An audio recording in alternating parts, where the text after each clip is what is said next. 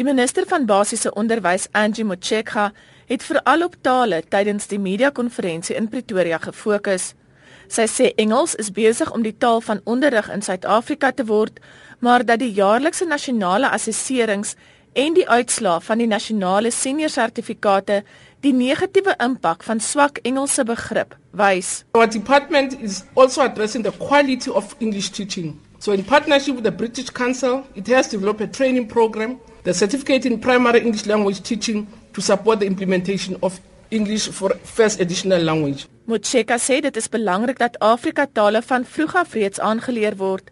Sy sê die tale waaronder Afrikaans moet reeds van graad R afgeleer word. The report recommended that as as from 2014 all public schools should introduce African languages from grade R to grade 1. However, CM resolved to broadly support the proposal that provincial education departments would largely consider the piloting the initiative in 2014 an option that provided for 10 schools per district because we felt that we must have a smooth transition. Die beheerrade van skole sal self kan besluit watter Afrika taal hulle by die kurrikulum wil insluit. Teen 2015 moet alle openbare skole 'n Afrika taal vir die grade aanbied. 'n Kurrikulum vir gebaretaal op huistaalvlak is besig om ontwikkel te word en sal ook in 2015 implementeer word. Our slogan in the department is that no child should be left behind. And for all these years, children with deaf impairments had really little chances of surviving or succeeding in our system. So for me, it's quite exciting to have reached this stage. And the fact that we are now quite confident that come 2015 we'll begin to roll out that part. Motshekga het gesê die lewensvatbaarheid van skole met minder as 135 kinders sal oorweeg moet word. It's in our interest nationally to rationalize, not only the Western Cape, nationally. For instance, in the Eastern Cape, there are lots of small schools. So as we're dealing with math schools, we can't replace a math school for nine kids and spend 16 million because that's what it costs us as a minimum.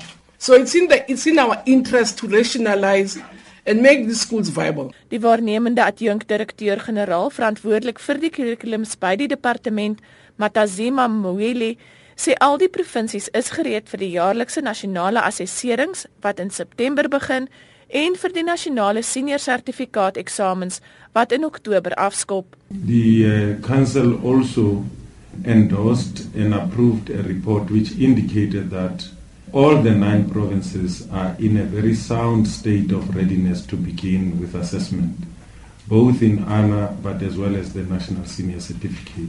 The council made about Mpumalanga, for instance. We know that in the past we've had uh, exam incidents taking place in Mpumalanga.